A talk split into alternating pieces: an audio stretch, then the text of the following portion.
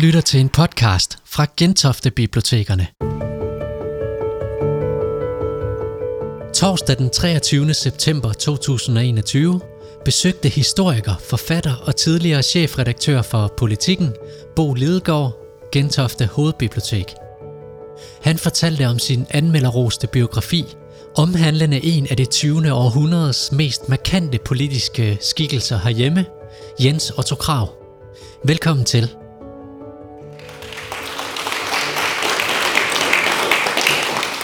Tusind tak, og øh, tak for, at I er kommet for at høre den her gamle historie om Jens Otto Krav. Øh, det er sådan, at øh, jeg har siddet bogstaveligt talt i min kælder, ikke langt herfra, og skriver på en ny version af den der meget store bog. Altså det er trods alt ikke, det er to forskellige udgaver af den, som jeg jo skrev øh, helt tilbage fra øh, helt tilbage i starten af dette årtusind.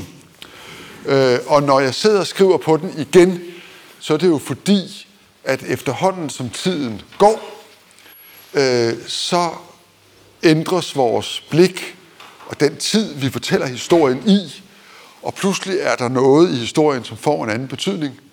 Og øh, der er jo mildest talt sket meget i vores historie de sidste 20 år. Og det har så givet anledning til, at øh, jeg er gået tilbage af sporet øh, og gået i gang med at genfortælle den her historie. Og det har, hænger også sammen med, at øh, Danmarks Radio øh, her over jul og nytår vil sende fire store udsendelser om Krav og Helle Virkner, som jeg er med til at, øh, at lave, og som også har inspireret mig til at, øh, at gå i krig med historien igen.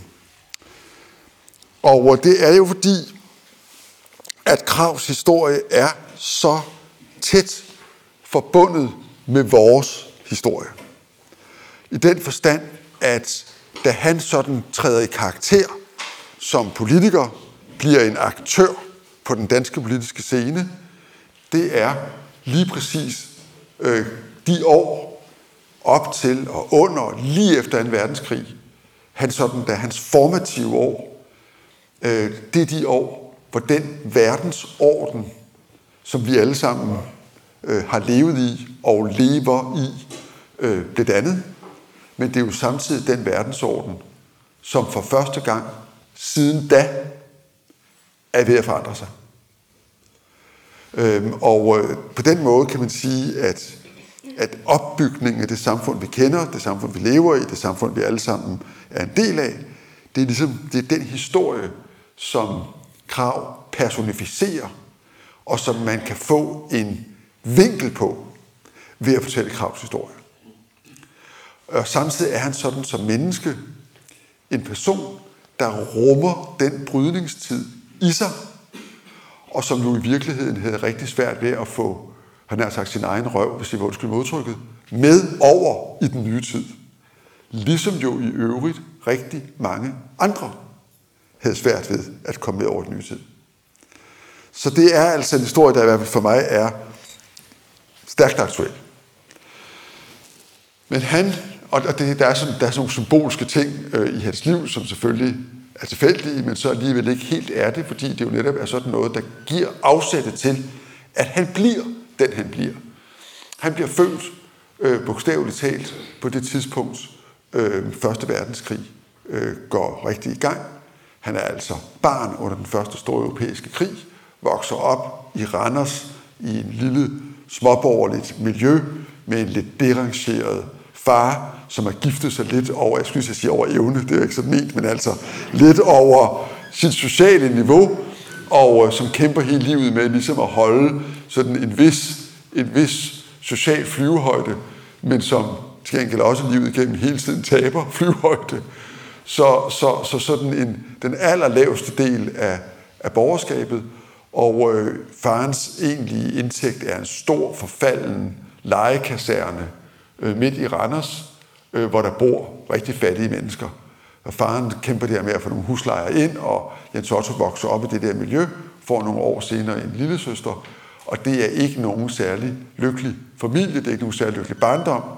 Øhm, og Krav bliver en af de mange unge mennesker, for hvem det lokale bibliotek bliver redningen. Det er der, han holder til. Og han bliver meget, meget hurtigt en stor konsument af alt mulig litteratur. Og en af de ting, der bliver ved med at fascinere mig ved Krav, også nu hvor jeg har været igennem det igen, det er, at fra han er en stor skoledreng, ikke engang en rigtig stor skoledreng, en middelstor skoledreng, og til han går ned i flammer definitivt, der læser manden litteratur af alt slags. Han noterer til i sin dagbog, øh, hvad han læser, og det er alt, han er altædende. Øh, det er han på flere punkter i livet, men, øh, men øh, også med litteraturen. Han læser og læser, han læser udenlandsk, han læser indlandsk, han læser moderne, han læser klassisk, han læser digte, han læser faglitteratur, han læser prosa, romaner, skuespil, alt muligt. Han er enormt stor konsument, og når man indimellem føler selv, det kan jeg godt gøre en gang imellem, at der er ikke rigtig tid til det der med at få læst de bøger, man gerne vil læse, så tænker jeg altid på krav og tænker, okay, han var ligesom ledende politiker i landet i, i 30 år, og han læste altså hver uge mindst en bog. Og rigtig tit meget mere. Så han havde en stor kapacitet. Og han begynder meget tidligt også at interessere sig for den verden, han lever i. Og den verden er jo om nogensinde meget truende. Og hvis I indimellem kan synes, at vores tid virker så en lille smule shaky, og klimaforandringer og fragmentering i verden og sådan noget, det ser sgu ikke helt godt ud, så prøv lige at forestille jer at være ung mand i 30'erne, øhm, og ligesom være tænksom, se hvad der foregår, se hvad der er ved at ske, se hvad der foregår i øh, Rusland efter øh, Første Verdenskrig, bolsjevikerne taget over, kommunisterne øh, skaber Sovjetunionen, 22 øh, Mussolini i, i Rom, øh, og 33 øh, Hitler i Tyskland. Samme år, samme dag, han bliver statsminister, øh, han bliver kansler, Hitler, er jo datoen for kanslergadeforliget som Stavnings store politiske øh, mesterstykke øh, i januar 33, hvor han jo får Venstre, det andet store folkeparti, til at indgå forlig med regeringen, altså Socialdemokratiet og det radikale, til et stort økonomisk socialt forlig, der sætter retningen frem mod det, vi i dag kalder velfærdsstaten. Den er jo meget, meget langt fra at eksistere på det her tidspunkt. Der er heller ikke nogen, der kender begrebet eller taler om det. Men grundideen bliver jo, at måden at løse, eller måden at trække os ud af den dybe krise, som jo ikke bare Danmark, men hele Europa står midt i, med en arbejdsløshed langt over 40 procent, styrtdykkende priser øh, på landbrugsvarer ude på landbruget, udbredt fattigdom, for ikke at sige nød og elendighed, og ingen udsigt til bedring. Det er jo det problem, Hitler faktisk tager fat på sydpå med planøkonomiske indgreb, som jo faktisk viser sig i de kommende år at virke ganske udmærket. Øh, men det er det problem, Stavning og øh, Venstre øh, i i januar 33 blev enige om at takle inden for demokratiet, inden for folkestyrets rammer. Og det er jo ved i virkeligheden at lave en social kontrakt mellem land og by. Øh, for det er jo det problem, det er sådan set stadigvæk et problem, øh, at det er jo sådan, at jo bedre man har det på landet, i hvert fald hvis den udstrækning landet er bønder, desværre er det at være i byerne, i hvert fald den udstrækning byerne lever af det, bønderne producerer, og derfor er det jo en evig politisk kamp i Danmark, hvordan skal fordelingen mellem de to, øh, balancen mellem de to være. Men, men dengang jo på en helt anden niveau, fordi flertallet af befolkningen stadigvæk var, var bønder, øh, og den anden store befolkningsgruppe selvfølgelig byernes arbejdere. Det forlig bliver indgået, og øh, jeg bliver, hver gang jeg læser det, bevæget, når jeg ser Stavning forklare i Folketinget den serie af, for nu at bruge et moderne udtryk, løftebrud, som øh, kanslergadeforliget repræsenterer i forhold til hans vælgere, og hvor han jo prøver at forklare sine vælgere, at det jo ikke bare er et spørgsmål om at løse øh, krisen, det er også et spørgsmål om at vise, at rigsdagen, Folketinget, kan løse krisen. Andre steder, som han siger, bruger man andre metoder. Men her i landet er det bedst, at vi løser problemerne i rigsdagen. Og det er jo ligesom en bekendelse til det folkestyre, som, og det glemmer man i dag, jo på det her tidspunkt er ved at gå helt af mode. Og hvis man ser ud over det europæiske landskab de kommende år, så er det jo demokrati og folkestyre efter det ene efter det andet, der falder, og de fleste fornuftige mennesker, han har sagt, i Europa, det er jo ikke de fornuftige, men altså de fleste i Europa, de siger, problemerne er så store, at dem kan vi ikke løse inden for demokratiets rammer. Vi kan ikke have det her med, at vi skal sidde og lave kompromiser og plader demokrati osv., når man står over for så store problemer, vi har her. Og her begynder man altså i Danmark, op gennem 30'erne, en, den modsatte strategi, kun ved at styrke demokratiet, kun ved at gøre samfundet stærkere, så det kommer længere ud og får flere med ind i samfundet, kan vi undgå dem, der er ude på fløjene, øh, bliver militariseret, hvad enten det er nazister på den højre fløj, eller kommunister på den venstre fløj. Og den politiker, skråstreg, filosof, politiske ordfører for Socialdemokratiet, som formulerer det her tydeligst og klarest, det er jo Hartwig Frisch, øh, chefideolog øh, for Socialdemokratiet, øh, og den mand, som i 33 i sin bog Pest over Europa, bolsjevismen, fascismen og nazismen definerer det, som bliver Danmarks overlevelsesstrategi i tiden op til og under besættelsen, men som også bliver Jens Otto Kravs politiske bibel. Øhm, og den bog, Pest over Europa, det er jo den, som øh, den har flere meget afgørende pointer for vores udvikling i vores land øh, i de der afgørende år, men en af dem er, at det demokratiet står over for, den pest, bogen er opkaldt efter, det er selve den totalitære tankegang. Fjenden er ikke Tyskland, fjenden er ikke Sovjetunionen, fjenden er bolsjevismen, fascismen og nazismen.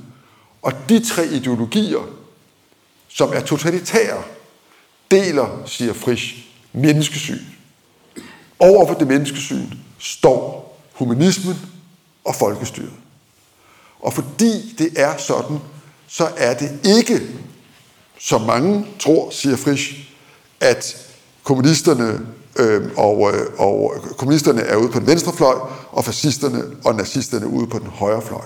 Nej, disse tre ideologier ligner hinanden, siger Frisch, som to knytnæver. Hvis demokratiet tror, man kan alliere sig med kommunisterne mod nazisterne, så har man allieret sig med selve problemet.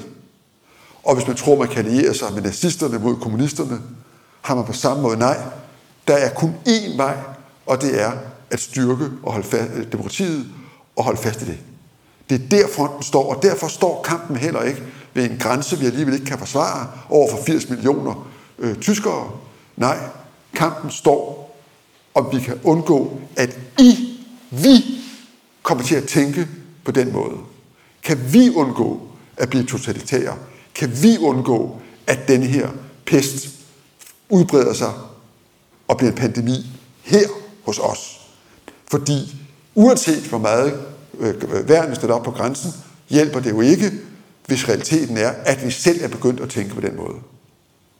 Det har det fritids grund. Det er jo det, der fører til, vores meget svage forsvar og direkte ind i samarbejdspolitikken under krigen, hvor filosofien er hellere administrere besættelsen og bøje sig, end at få nazistisk styre i Danmark. Og det kan man jo diskutere, det gør vi ikke i dag, det, øh, men hvis man spørger unge Jens Otto, så er der ingen tvivl om, at han var helt og fuldstændig på det hold, han var på frisholdet, han var på samarbejdspolitikens hold. Og det var han jo også fordi, han var, som lige efter han blev student i Randers, draget til hovedstaden, som mange håbefulde unge, øh, især mænd, gjorde, og han var begyndt at læse økonomi, og dermed øh, øh, blev han i de sidste halvdel af 30'erne, 35 frem til 39, får han, bliver han uddannet som kant polit, i en tid jo, hvor, hvor det er en ret ny uddannelse, og hvor det at blive ø- økonom, øh, det, det, var en, en, en, sagt, det var et ret snævert øh, broderskab af, af, øh, øh, øh af, af, af unge mænd, hvoraf langt, langt de fleste var, lad os bare kalde det venstresnåede. Altså de var venstreorienterede i en anden mere eller mindre løs forstand. Øhm, krav havde været DSU'er på et tidspunkt. Han har også været ganske kortvarig formand for DSU i Randers. men det var nu ikke, fordi han var specielt øh, politisk, partipolitisk engageret, men han var bestemt politisk engageret, og da, under studentertiden der i, øh, i, øh, i København, der var han, øh, der var han øh, Øh, også aktiv i sådan forskellige mere eller mindre radikale, altså ikke radikalt venstre, men radikalt, øh, altså ude på, de, på den, øh, på den, på den ydre, ydre, ikke den yderste, men den ydre venstrefløj, øh, grupperinger der i 30'erne, øh, og øh, som organiseret socialdemokrat opnåede han altså også et par gange over tredje spinaten og få nogle ordentlige rapper over fingrene, ikke mindst af den ganske håndfaste unge partisekretær H.C. Hansen, øh, som, øh, som et par gange var ude med baseballkøllen og give den der student nogle ordentlige drag over nakken, så det kunne høres. Øh, og det grundlagde ikke noget specielt godt forhold mellem de to.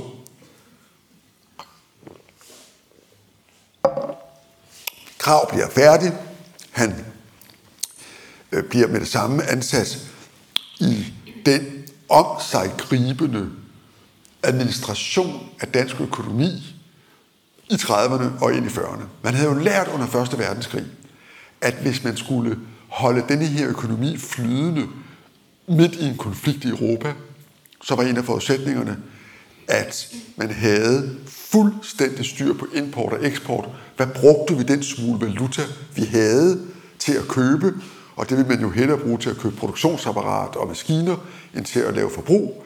Så staten havde en omfattende administration, som gradvist jo også tjente til, netop det jeg var inde på før, at afbalancere land og by, priskontrol med landbrugsprodukter, lønkontrol, kontrol, rationering, valutacentralen osv. Så staten havde et meget, meget omfattende instrumentarium til at styre hele økonomien, og det var en del af tricket for så at sige at holde den sociale kontrakt kørende. Og jo tættere krigen kom på, og da den så kom, des mere øh, brug blev der for en stærk, lille bitte centraladministration, der styrede hver eneste krone, der bevægede sig rundt i landet, og den, øh, den øh, valutacentralen, hvor det foregik, sugede hurtigt krav ind, og øvrigt også de andre økonomer, og de sad der og prøvede at holde øh, økonomien øh, og forsyningerne kørende i en situation, jo, hvor Danmark blev afskåret fra vores vigtigste eksportmarked, Storbritannien. Det, som blev Socialdemokratiets fuldstændig klare analyse her, var, skal Danmark overleve den her krig, og skal demokratiet overleve, så bliver vi nødt til at holde produktionen kørende. Der er kun én at handle med. Det er Tyskland. Det er der, vi får vores råvarer fra. Det er også der, vi kan sælge til. Vi skal have et tættere økonomisk samarbejde med Tyskland. Det kan den ikke lide at sige. Øh, men øh, men det, det mente de nu ikke desto mindre. Øh, og Øh, øh, øh, jo mere Hitler vandt, og det gjorde han jo i starten, big time, og I skal hele, man skal hele tiden huske sekvensen af det her, altså det starter med Polen, hvor jo både Sovjetunionen og Tyskland er allierede angriber der i, i september øh, 39, så kommer øh, Danmark og Norge i april 40, ej faktisk kommer Finland først i efteråret, hvor Sovjetunionen tager Finland, ikke, så kommer det, og først efter Danmark og Norge er besat, bliver krigen jo lidt varmere i den forstand, at Churchill bliver premierminister i Tyskland. Øh, øh, øh, okay, jeg forstår protesterne. Protest til. Churchill bliver premierminister i Storbritannien, øhm, og så kommer jo umiddelbart efter han bliver premierminister, efter Danmark og Norges besættelse, så kommer jo så det tyske felttog i maj-juni mod vest, og det er fuldstændig kollaps at, øh, at Vestfronten, og helt frem mod sommeren, øh, øh, øh, øh, Dunkirk, hvor jo altså den, det, det britiske ekspeditionskorps står på på stranden, et meget, meget krigsuvilligt Storbritannien begynder at vågne op til død. Øh, admiraliteten får mobiliseret alt, hvad der kan flyde i den sydlige del af England. De sejler ned og henter drengene hjem. Og modsat det, jeg har set i Churchill-filmen, som vender om på rækkefølgen. Modsat det, så da drengene er kommet hjem, går Churchill op i parlamentet i sommeren 40 og siger, we shall fight on the beaches, and we shall never surrender. Så det er jo virkeligheden først på det tidspunkt, krigen begynder at gå ind i den fase, hvor det hele handler om, kan britterne modstå øh, øh, det tyske storfløb, og The Battle of Britain går i gang, og alt, hvad der følger med, amerikanerne, Grønland osv., ikke i dag. Men for Danmark, der er hele den her udvikling jo bare en udvikling i retning af at komme dybere og dybere ind i mørket, ind i tyske interessesfærer. Det er stærkt tvivlsomt, om britterne kan holde sig flydende. Vi har kun et sted at se hen, det er til Berlin, og vi går mere og mere aktivt ind i det samarbejde, gør mere og mere for at holde folk beskæftiget, for at holde landbrugseksporten kørende, øh, og alt det fører til et mere og mere aktiv samarbejdspolitik, og bag det står jo, igen skal man huske, bag det står de fire demokratiske partier, der til sammen gennem 30'erne har fået 92 procent af stemmerne, som i øvrigt får det ved valget i 43 og får det igen i valget i 45. Der er ikke noget demokratisk parti på noget tidspunkt i det her forløb, der ikke støtter den politik. Og hvis vi overhovedet kan dømme ud fra, hvordan folk stemmer, så man sige, at 90 plus af vælgerne støtter den samme politik. Jeg ved godt, at nu er der ikke én, der støtter den. Men øh, det er måske også lettere på nuværende tidspunkt, øh, end det var, når man levede det for fordels øh, igennem. Så altså, man må nok antage, at den her politik, især i krigens første år, havde massiv opbakning i befolkningen, af den ret simple grund, at der ikke rigtig var nogen, der kunne komme i stanke om et alternativ. Det kunne Krav heller ikke. Han sidder der under krigen, så kommer jo sekvenserne i den. Øh, Hitler angriber i sommeren øh, øh 41 sin allierede Stalin bagfra, om man så må sige. Hele felttoget mod øst starter. Det går godt i starten, som I husker. Øh, nu er vi altså fremme langt ind i 42, langt forbi to år ind i krigen, der er det faktisk gået helt ufatteligt godt for Hitler. Så begynder det jo så efterhånden at gå lidt, lidt, lidt, lidt, lidt skidtere, han har sagt, der er langt derover øh, for at holde feltoget kørende, vinteren kommer og alt det der, Stalingrad, og langsomt begynder det jo at vende, og det begynder at gå op for vel alle, at det her ender galt for Tyskland, og det vil sige godt for os, godt for de allierede, øh, selvom alle jo for snart det begynder at vinde. Vi har lige været igennem det med pandemien, så vi kan sagtens sætte os ind i det. Optimismen kommer meget hurtigt, og håbet om, at nu er det slut lige over morgen, øh, og det tager jo så i virkeligheden lige så lang tid, som det allerede havde taget, før det var helt slut. Der er en meget, meget lang hale på det, meget længere end de fleste forestillede sig. På det her tidspunkt begynder jo meget langsomt modstanden at vokse frem. Forreste linje, 42, 43, kommunisterne, som er blevet forbudt i, øh, i øh, 41 efter bruddet mellem Hitler og Stalin. Og kommunisterne bliver ledende, forbliver ledende i meget af den hårde del af modstandsarbejdet, altså den væbnede del af modstandskampen. Og, kan man roligt sige, var ikke noget, de demokratiske partier var trygge ved, og slet ikke Socialdemokraterne. Men samtidig sker der jo det, at holdningen i befolkningen begynder at ændre sig. Og, øh, og øh, efterhånden som vi når i 44, så er jo nu pludselig rigtig mange af os, om ikke for en konfrontation, så i hvert fald meget sympatisk indstillet over for modstandskampen, og dermed også over for kommunisterne.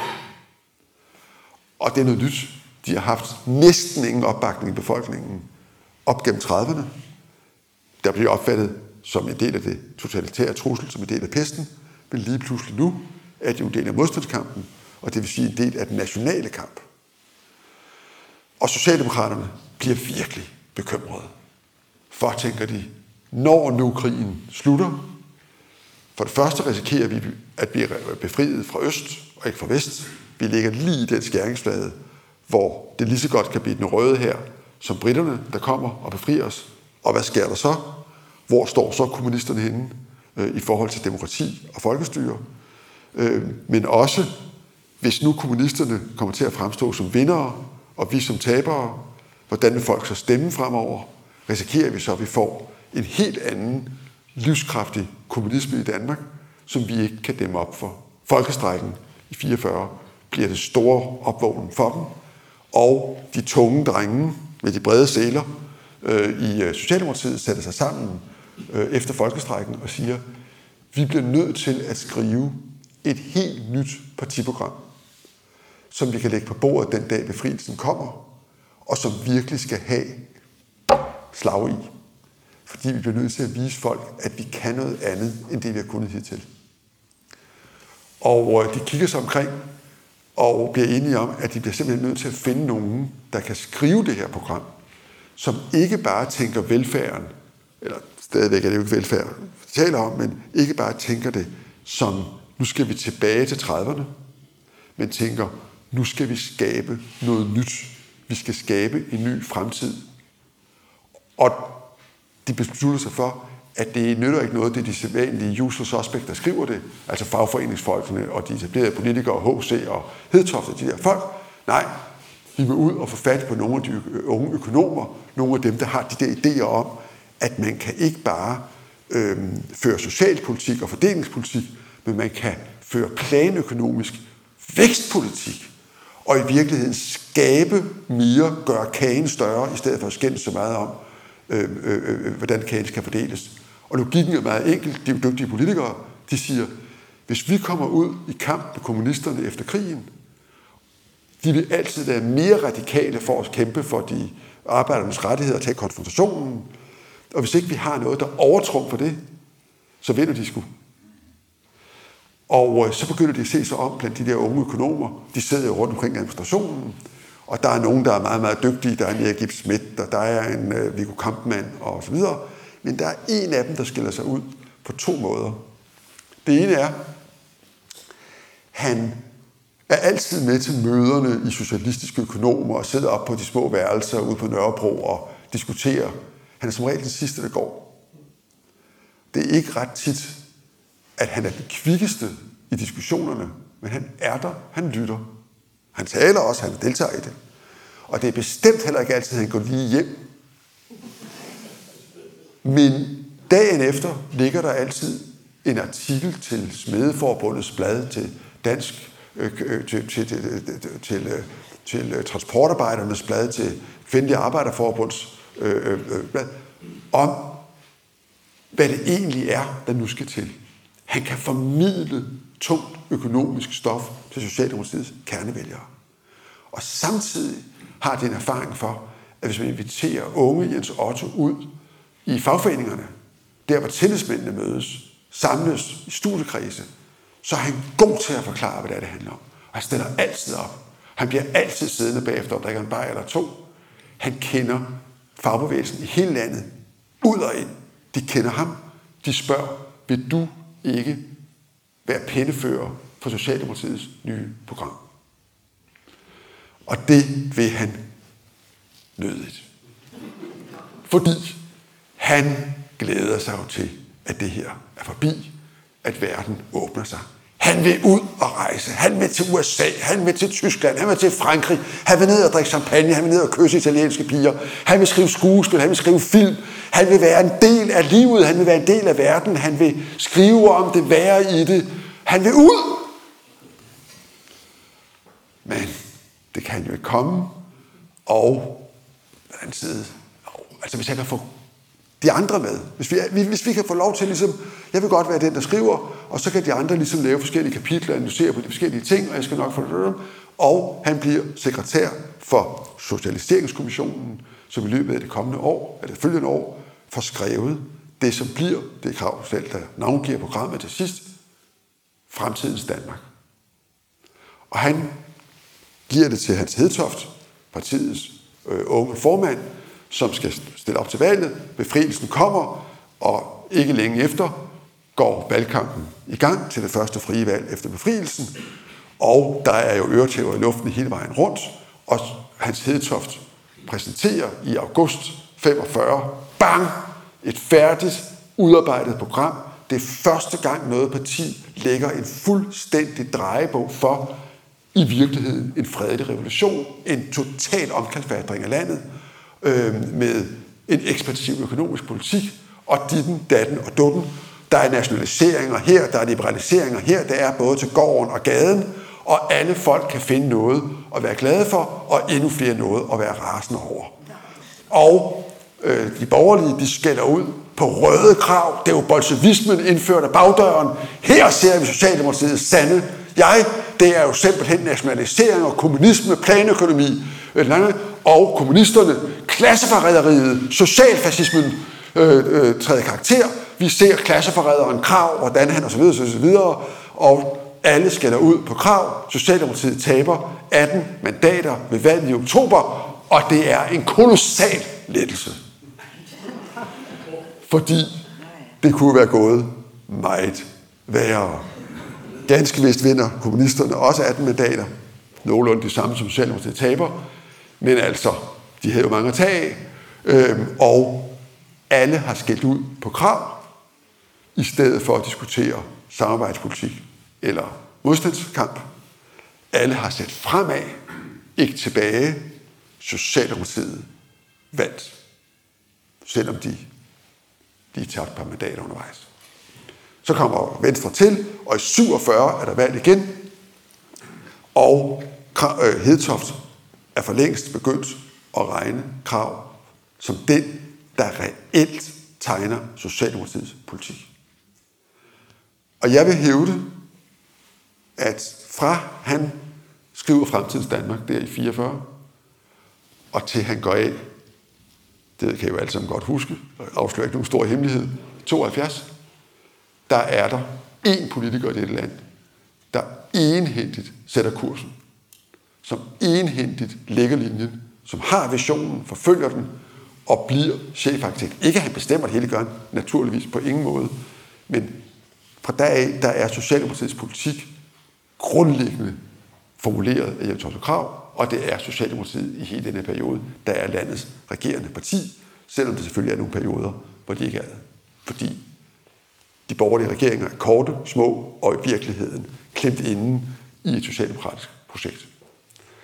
I 47, øh, lidt før, der siger så Hedtoft til Krav, hør, skulle du ikke tage og stille op over i din gamle øh, hjemby Randers, fordi vi får snart valg, de der venstrefolk, de kan ikke holde ret længe til det der, og så skal du vælge selv. Ej, siger Krav, nu er øh, freden jo vundet, jeg må ud i verden, jeg må ud og rejse, jeg vil til det, jeg har, I kender ram, øh, Ramsen, og Hedtoft siger, ja, ja, det er fint, Jens Otto, men øh, nu tager du lige og stiller op, det sker der ikke noget ved, du er jo kun 32 år, du bliver aldrig, aldrig nogen, der er blevet valgt i den alder, så du bliver sgu ikke valgt. Øhm, og øh, det kan du roligt gøre, og det er jo en gamle by, og, og, og ja, okay, og, og, ja, ja, han bliver selvfølgelig valgt, og øh, allerede på valgaften siger øhm, øh, øh Hedtoft, jeg ved du hvad, Krav, jeg ved godt, at du hellere vil noget andet, men på den anden side, jeg vil gerne have, at du bliver handelsminister, det vil sige, og handelsminister, det er jo i virkeligheden på det her tidspunkt ham, der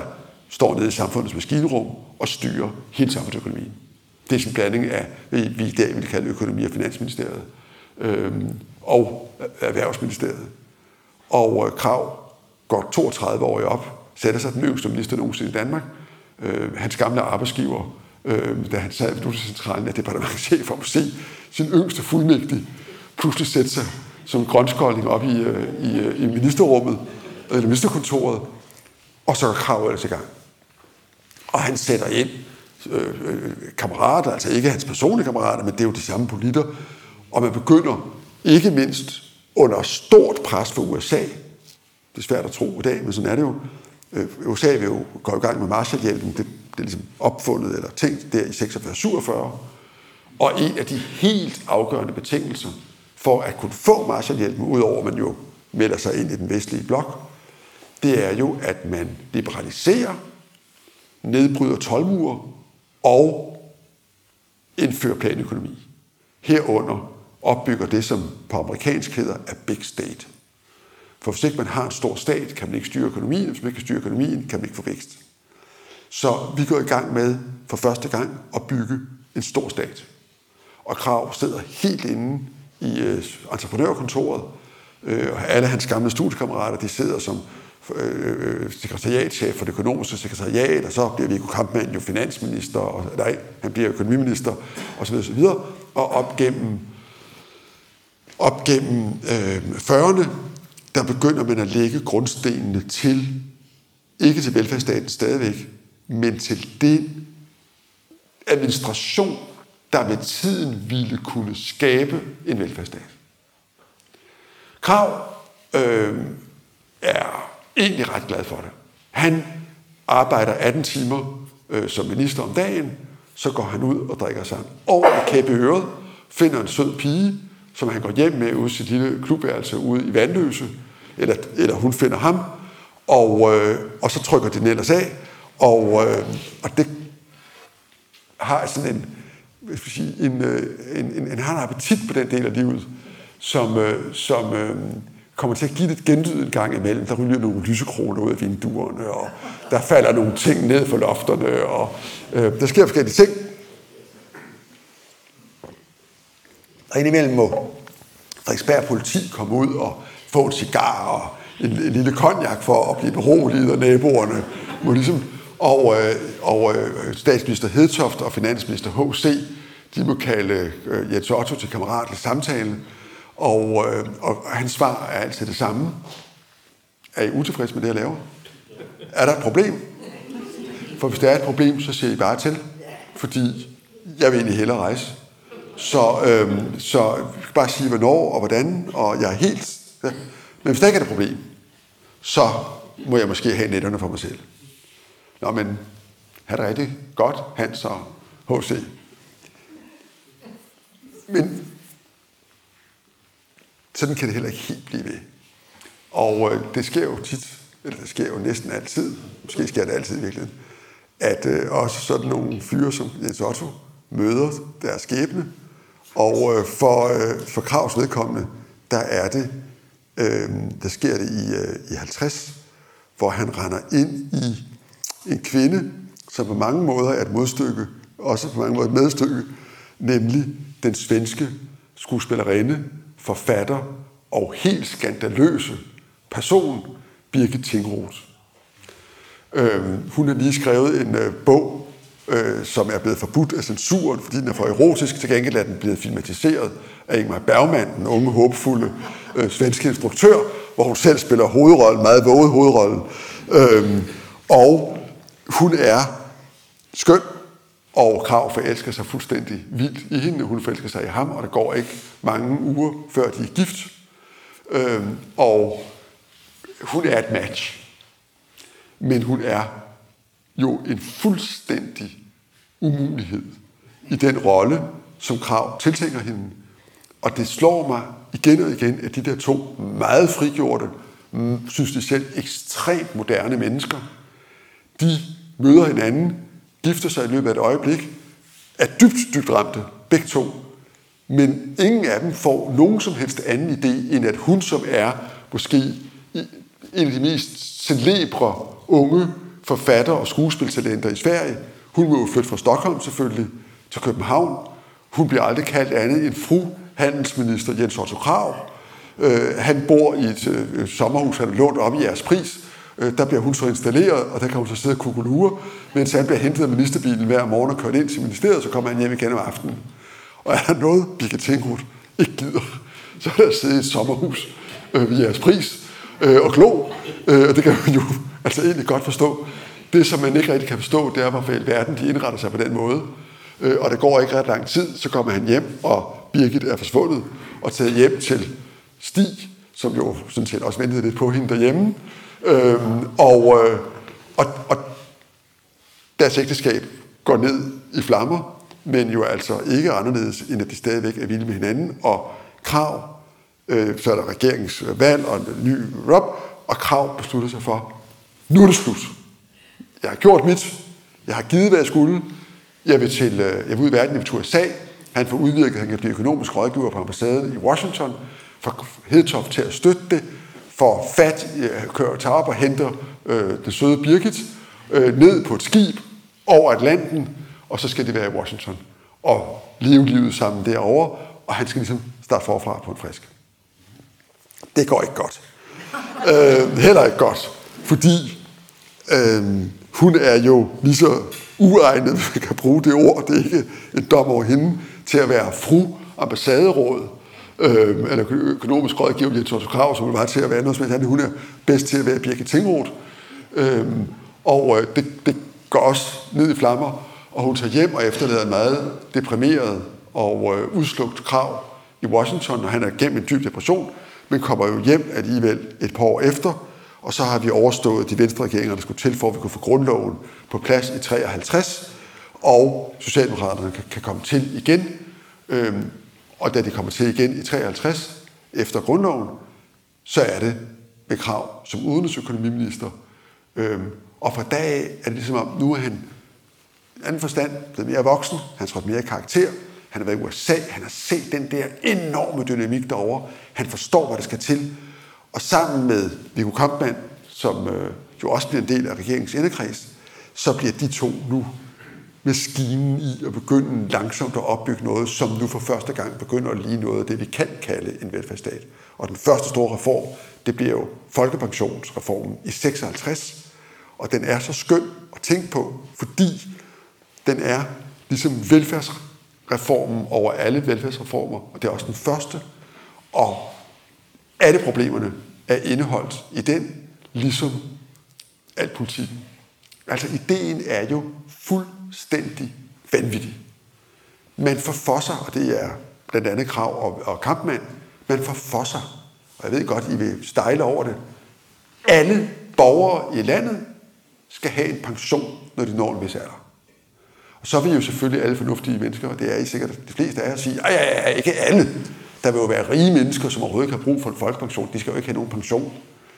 Øh, altså, A.P. Møller, verdens rigeste mand, han skal jo ikke have folkepension og skatteyderne. Det er jo en helt vanvittig tanke. Jo, jo, jo. Det er ikke en fattigdomsbestemt ydelse. Det er jo simpelthen, at man som borger har ret til... Ej, altså, ro på. Alle de kvinder, der ikke er ude for arbejdsmarkedet, aldrig har bidraget til samfundet, dem kan vi jo ikke pludselig begynde at betale en løn. De har jo aldrig fået en løn. Hvorfor skulle de have en løn? Det kan jo ikke nytte noget. De har jo sådan set bidraget. De har jo været, de har udfyldt deres rolle. De er jo også borgere i samfundet.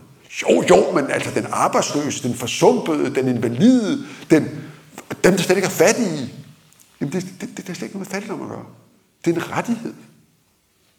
Det er en idé om, at når man er i en bestemt situation, her altså en meget let, objektivt konstaterbar ting, men er fyldt et vist antal år, så har alle ret til, ikke som en almisse, men som noget, man har krav på som borger i samfundet, at få en pension. Og det viste sig jo så, der var stor diskussion om, det, og alle de argumenter, som jeg var gået ind og høre, blev fremført, men så spurgte man jo lidt ud i befolkningen, og så kom jo det for også de borgerlige partier overraskende, spurgte folk, hvad synes I? Synes I, det er en god idé, I skal have pension, når I bliver 67? Yes, sagde folk. Dem, der var 67, de synes det især. Men alle de andre, de håbede også at blive det. Så der var sgu ikke der ikke synes det. Så pludselig viste det sig jo, at det der med velfærdsreformer, det var uhyre populært. Og det viste sig så op gennem 60'erne, at hver eneste gang nogen forestod en velfærdsreform, som gav folk mere velfærd, så spurgte man befolkningen, og svaret var det samme hver eneste gang. Bring it on. Så opstod jo ret hurtigt det spørgsmål, der fulgte ligesom i hælene på det, hvordan finansierer vi nu det her? Fordi det var jo ikke helt løgn, når nogen, der advarede med folkepensionen og de kommende reformer, sagde, det bliver lidt dyrt. Fordi når det pludselig er en rettighed, alle har, så er det jo noget, som skal finansieres. Vi har kun en lille stat med et meget ineffektivt skattesystem. Så hvem skal betale? Og det havde jo Krav også svar på. Det skulle vi alle sammen. Fordi ved at gøre det på den her måde, ved at bygge en større stat med en mere effektiv skatteopkrævning, så kunne man også jo pumpe flere og flere penge ud til almindelige borgere, og det forbrug, de havde, det ville skabe en økonomisk vækst. Vi kunne simpelthen hive os selv op ved hårene. Vi kunne skabe en økonomi, der blev ved med at ekspandere. Vi kunne bruge pengene det ene år, uden at have dem. Folk betalte ind, forbruget kom, efterspørgselen osv. Det var jo hele Keynes idé om en vækstøkonomi, som nu begyndte at kunne føres ud i livet. Valutarestriktioner og sådan noget var overstået. Nu kunne man faktisk begynde at gøre det, og man begyndte at gøre det. Det krævede, hvis det krav, sagde krav, førte politik på, to afgørende ting. Det ene var et effektivt skattesystem, og det andet var et europæisk marked. Fordi det, der jo lå bag ved det her, var også, at de alt for mange, der arbejdede i et alt for lidt effektivt landbrug, fik alt for lidt løn, havde alt for lille forbrug, de skulle ind, de skulle væk fra landbruget. Landbruget skulle effektiviseres. Samme produktion, eller mere. Dobbelt så meget, tre gange så meget, fire gange så meget produktion. Men en tiende del af folkene. Og alle de mennesker skulle sluses ind i byerne. Det var der, man begyndte at øh, bygge øh, parcelhuse. Det skulle de ind, og så skulle de arbejde i industrien. Højere lønninger, eksportindustri. Krævede markedet. Ikke nordisk, for lille. Ikke britisk, for lille. Europæisk. Og heldigvis begyndte Europa på det her tidspunkt at lave EF, og vi var fra starten, yes, der skal vi med. Øh, Krav sidder helt inde i centrum af de her tanker og udvikler dem. Han vil egentlig igen helst være udenrigsminister, for han gerne ud og rejse. Han gerne. Det gør han så meget som udenrigsøkonomiminister, men det er i virkeligheden først, da først Hedtoft dør i 55, og så H.C. Hansen dør i 60, at han, eller bliver syg og senere dør, at han rykker frem i graderne. Først som udenrigsminister, og så jo, øh, da Hans Hedtoft, da, da H.C. Hansen dør i 60, øh, og Viggo Kampmann bliver statsminister, så er Krav jo klar over, at nu er det ham, der er next in line, og han er også klar over, at Kampmann holder ikke ret længe, for han har boet på regensen med Kampmann. Han ved, at lige så begavet og inspireret Kampmann er, lige så knald i låget har han, øh, og det kan ikke gå i det lange løb. Tre måneder inden H.C. Hansen dør af sin kraft, der præsenterer han den unge, jo ikke helt pur unge, den unge skuespillerinde, Helle Virkner for Krav. H.C. kender nemlig Helle Virkner, fordi hun har arbejdet for Arte, som jo er arbejdernes teaterorganisation, tilbage fra, fra lige efter krigen, og der har hun tit taget med H.C. ud i de socialdemokratiske Øh, foreninger, eller ud til teaterforestillinger, og læste op og skrev ved. Hun er socialdemokrat. Øh, så hun jo altså på sit, øh, slutningen af sit andet ægteskab, hun har været på det her tidspunkt gift en del år med Ebbe Rode, med hvilken hun lever i det, som med et meget, meget fint ord, og især meget, meget vågeligt ord for den tid, levede i et åbent ægteskab, som det så smukt hed. Øhm, og H.C. Præsenterer Helle for Krav der i, øh, i øh, sommeren øh, 60. Dør så tre efter. Men mellem de to sætter også klik. Men det er en anden slags klik, end med Birgit Tingerosen. Det er mere et klik mellem to mennesker, som fra to helt forskellige verdener i virkeligheden deler nogle egenskaber. For eksempel, at de er rigtig gode til at være på, at de er rigtig gode til hinanden, og rigtig, rigtig gode til at være på sammen, men egentlig begge to er en lille smule usikre på, hvem de selv er, eller hvor præcis de hører til, for ligesom Krav har det her med, at hele tiden helst vil et andet sted hen, så har Helle også noget med, at hun aldrig rigtig synes, hun får de roller, som hun egentlig gerne ville have, og ikke helt den karakterudvikling, hun gerne ville have i sit fag, som jo er som skuespiller. Men de øh, slår pjalterne sammen, de tager til, altså det er jo en fantastisk historie, øh, det ved jeg ikke, om jeg kan nå at fortælle jer, jo, det kan jeg godt. Øhm, øh, altså de, de, de, de, de bliver jo glade for hinanden, eller i hvert fald forsøgsvis glade for hinanden, kan man sige. Og så vedtager, så beslutter de sig for, at øh, de skal tage på ferie sammen øh, i Nice, eller nede ved Nice i Sydfrankrig. Igen meget eksotisk for tiden, men der er faktisk en tasmaskine, der flyver ned. Og øh, hele fidusen er selvfølgelig, at ingen af dem kan rigtig holde til at have en en til affære, og slet ikke med nogen, der er så celebre, som de jo gensidigt er. Så de skal derned lige så stille, og så køre ind i indlandet ved Nice, og så kan de ligesom øh, få en, nogle dage sammen der øh, uden at der behøver at være så mange, der skal snage i det. Det går så også udmærket efter planen, øh, bortset fra, at der altså er en ser- journalist, øh, fotograf faktisk, som øh, er med på bagsmækken, øh, og som efter nogle dage præsenterer dem for noget så sjældent i dansk pressehistorie, som en række paparazzi-billeder af dem. Øhm, øh, og øh, da krav skal forklare, han så konfronterer dem og siger, nu, nu kan I så enten øh, lave interview, eller så får vi bare billederne.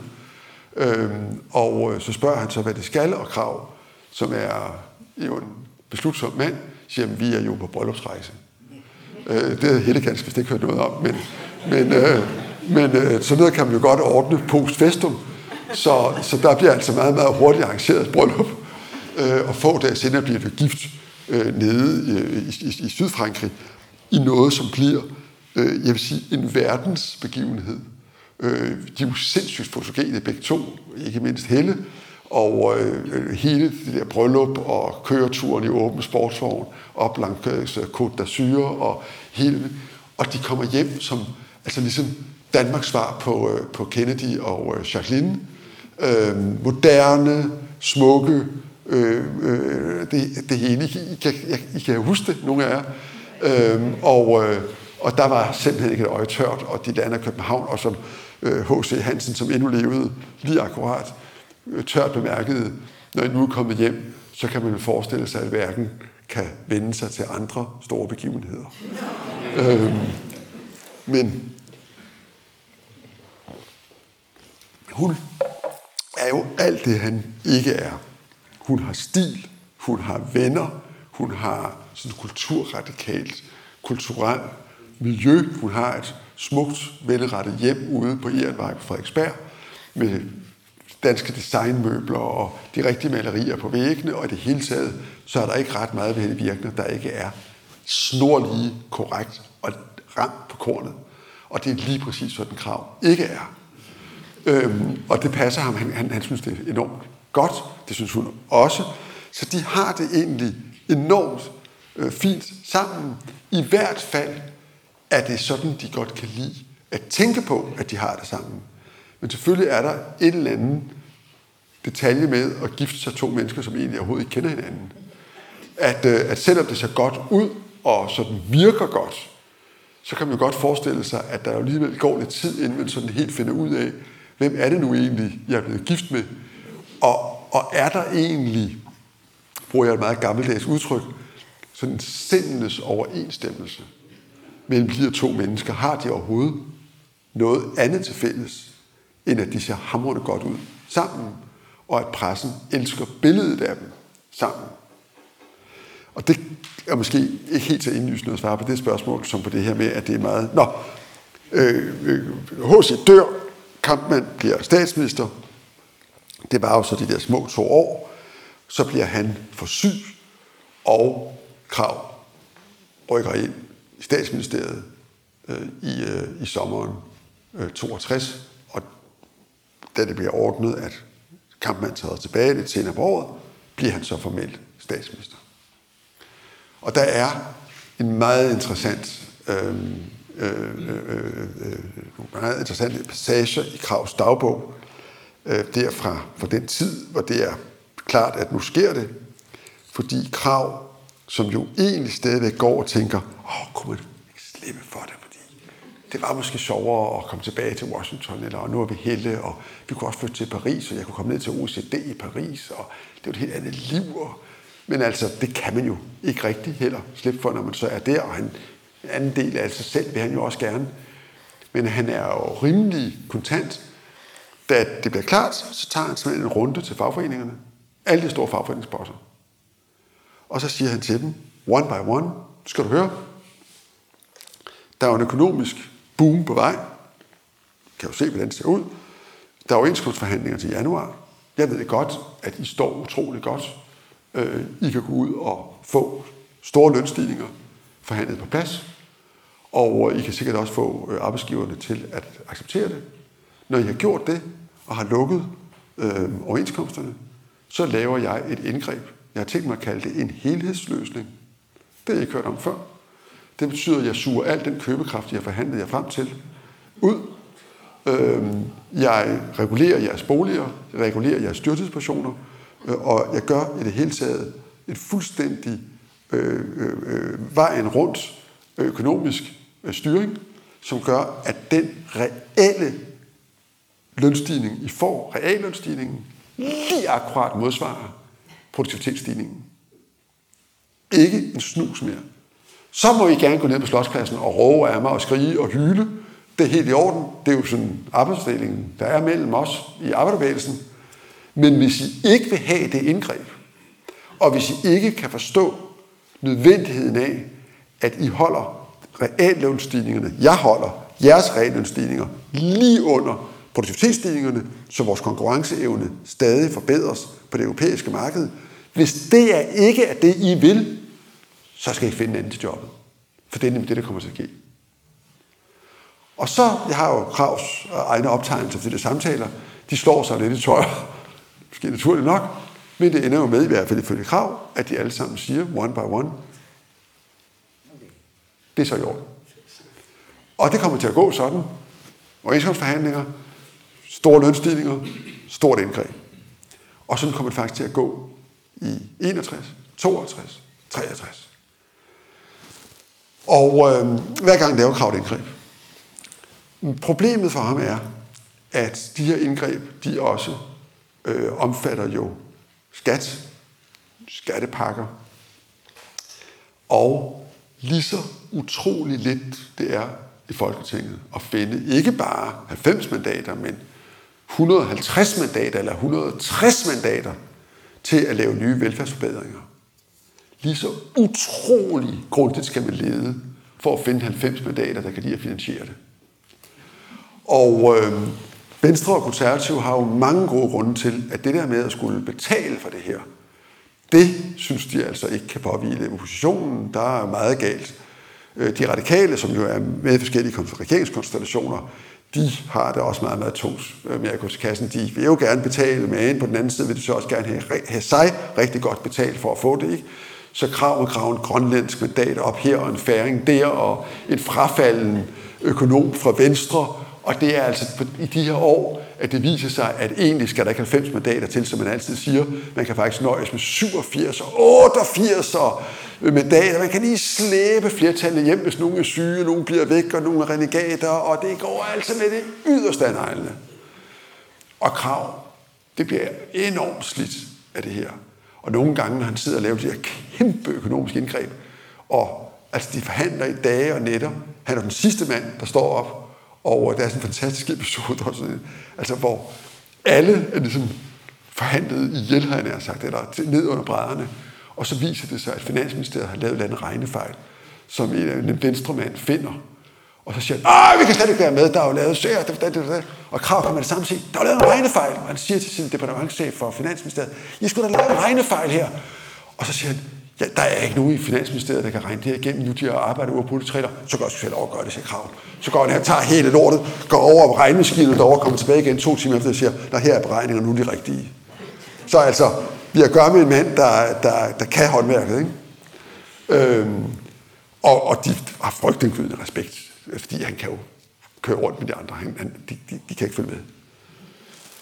Men Krav er klar over, at det her, det kan faktisk ikke blive og øh, han prøver, det er jo Erik Eriksen, der er venstreformand, han prøver igen og igen med Erik Eriksen og man kan se, at dagbogen, hver gang han skal lave de her forlig, så lykkes det Erik Eriksen at få ham til at tro. Jeg, kan ikke, jeg tør, tør ikke vurdere, om Erik Eriksen selv tror det, eller man lokker krav på glatis.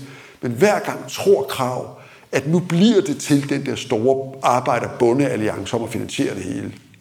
Og hver gang springer Venstre i målet. Og krav er rasende og rasende frustreret.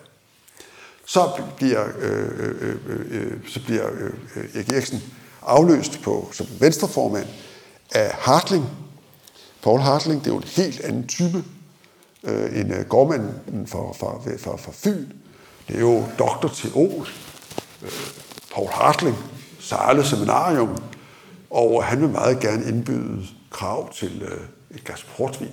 Og rektorkontoret, da Krav ringer, Krav iler op på rejsekontoret og siger, Hartling, hør nu her, du forstår jo, hvad det drejer sig om. Du forstår, at det er først, hvis vi arbejder i bønder, går sammen om at styre denne velfærdsudvikling, at det hele kan komme til at hænge sammen. Og vi bliver simpelthen nødt til, det, det er jo også, når der arbejder folk, og så er vi fri for at høre på de der utålige radikale og de konservative. Du kan smide de, de konservative ud, jeg kan smide de radikale ud, vi har stadigvæk et kæmpe flertal. Hvad er der ikke godt med den konstruktion? Det skal jeg sige dig, svarer Hartling, der er det kedelige ved den konstruktion, at hvis vi gør, som du siger, så skal du altid sidde på forsædet og holde i rettet, og jeg skal altid sidde på bagsædet og tredje pedalerne.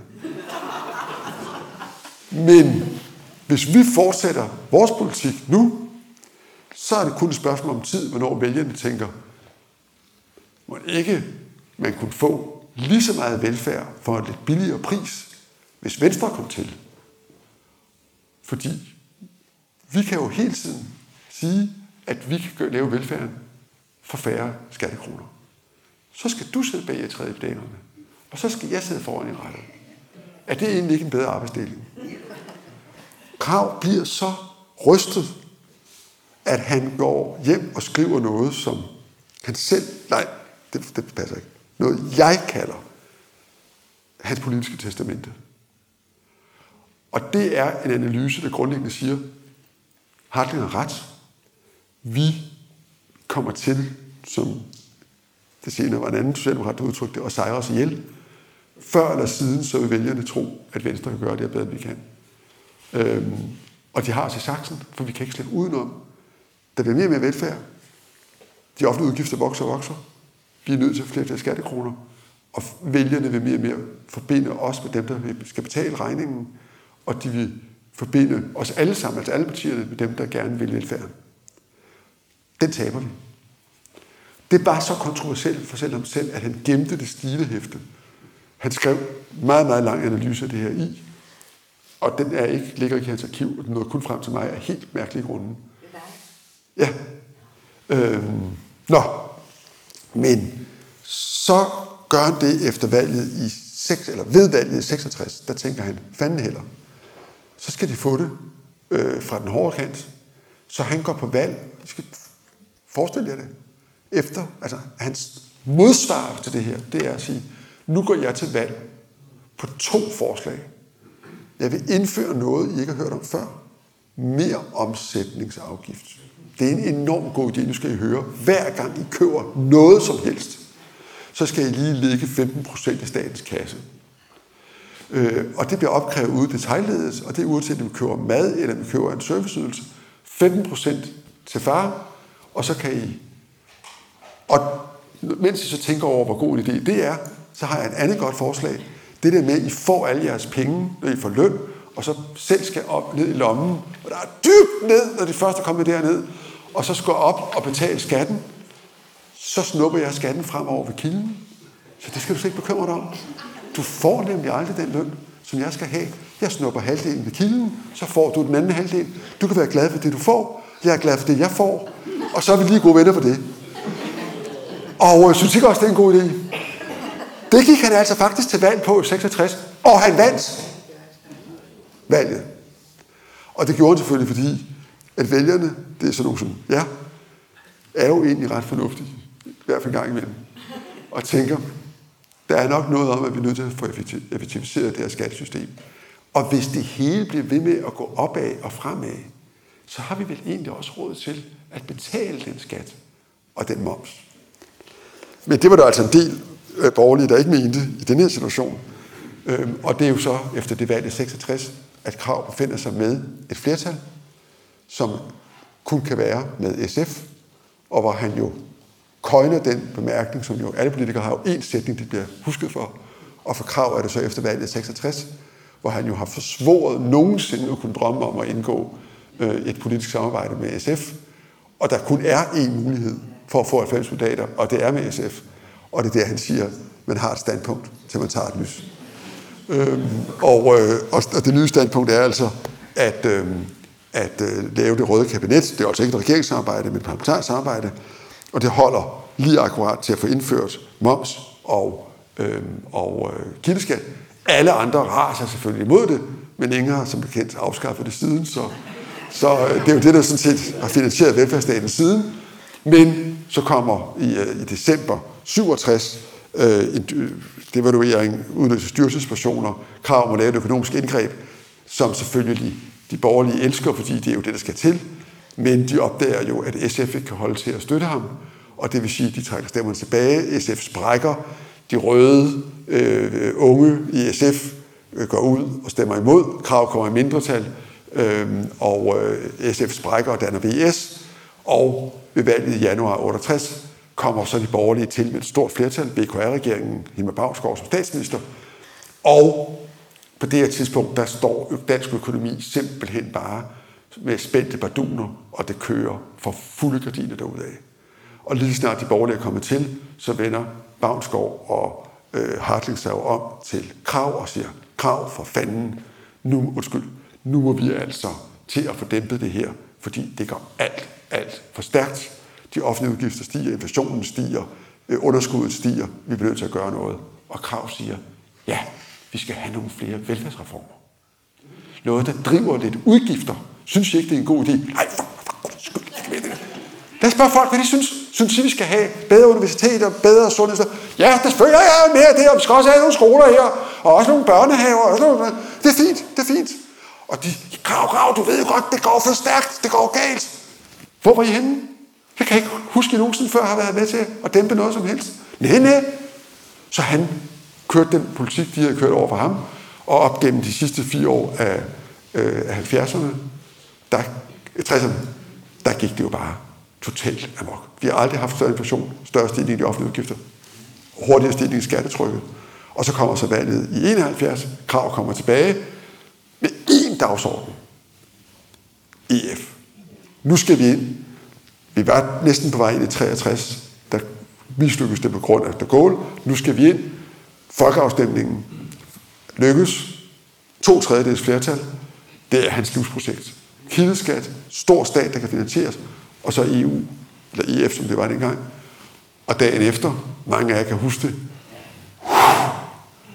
nu endelig tilbage til livet. Tilbage til tilværelsen. Tilbage til mit arbejdsbord, hvor manuskripterne ligger, og bogen og artiklerne osv. Men så jo i virkeligheden tilbage til en tomhed, fordi der er ikke rigtig noget. Og Helle skrider, og er egentlig, det er egentlig sket før, men hun har lige akkurat holdt ved ind det sidste år der. Også tror jeg i høj grad pligtfølelse over for partiet. Og så er det slut.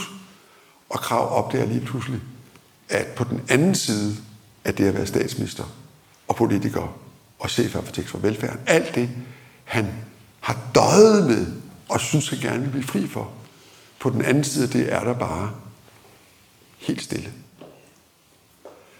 Og det går ikke ret lang tid før han bliver klar over, at det kan han ikke klare. Så han søger så et job som EF's repræsentant i Washington, en slags ambassadør, det er det jo ikke engang rigtigt. Og han kommer derover i 74, og er der to år fra 74 til 76, hvor det som fra oppositionstiden er begyndt at ligne et rigtigt, altså, jeg vil sige, et alt for stort alkoholforbrug. Her, i denne her, de her to år i Washington, bliver en voldsom alkoholisme. Og han kommer hjem i 76, svækket, fordrukken, sølle, øh, får en lejlighed ude i Skotsborg, og laver forskellige småting, skriver nogle artikler her, og har et formandskab øh, der, og en bestyrelsespost her, men ikke engang det kan han rigtig passe, og interessen for hans, øh, øh for hans skriverier er pludselig øh, ikke så, så stor, som den var. Og i, øh, i 78, øh, der tager han op øh, om sommeren og fejrer Helle og hans øh, søn, Hans Christians 18-års fødselsdag. Og øh, opskiverne, der er sommerhusskiverne. Og der inviterer han, udover selvfølgelig Helle og sådan hele familien, også rigtig mange af de kvinder, han har kendt gennem sit liv, øh, og som han har holdt fast ved, og som har holdt fast i han, øh, med ham. Så der er, der er ligesom repræsentanter for hele hans liv til stede, men der er også en person, der virkelig øh, kommer til at genere ham den øh, aften eller den eftermiddag. Det er nemlig Jens Christians pædagog. Han er syg, og pædagogen kommer op, og han er sådan, undskyld nu, han er sådan en langskægget, langhåret fyr, og øh, det er jo, I skal forestille jer, det er 78, ikke? Så han går direkte op med krav, og er, jeg kan stadig være socialdemokrater, og fanden er revolutionen, og hvad med solidariteten med Vietnam, og øh, du har nok forstå, og øh, hele det der register, øh, 68-registeret, som Krav jo kender så godt, men som han bare ikke gider lige den dag. Og øh, han gider slet ikke over for Jens Christians pædagog. Og øh, folk, der var til stede den dag, de fortæller, at det var en af de ganske, ganske få lejligheder, de har set krav tabe temperamentet. Og det vil sige, nu kan du godt. Altså, ikke bare tage diskussionen, men ligesom, jeg gider ikke høre på dit røv. Og så går han op, får sig et par guldbejer, lægger sig i sin seng, og næste morgen er død. Og på den måde ender hans liv, uden han nogensinde får egentlig hold på det. Øhm, og den mand, der måske mere end nogen anden ligesom fik hold på det danske samfund efter krigen og fik skabt det velfærdssamfund og den grundmaskine, som vi, samfundsmaskinen, som vi stadigvæk har bygget videre på, han gik i virkeligheden øh, vild, da han ikke var i den rolle, da han havde givet magten fra sig, aldeles frivilligt, da han skulle vende tilbage til det liv, som han aldrig rigtig fik styr på, og til den tilværelse, han ikke kunne genfinde eller genskabe øh, fra sin ungdom eller ud af det politiske liv, som jo virkelig viste sig at være hans liv, og ikke bare en omvej til livet. Så mange ordene. Tak for opmærksomheden.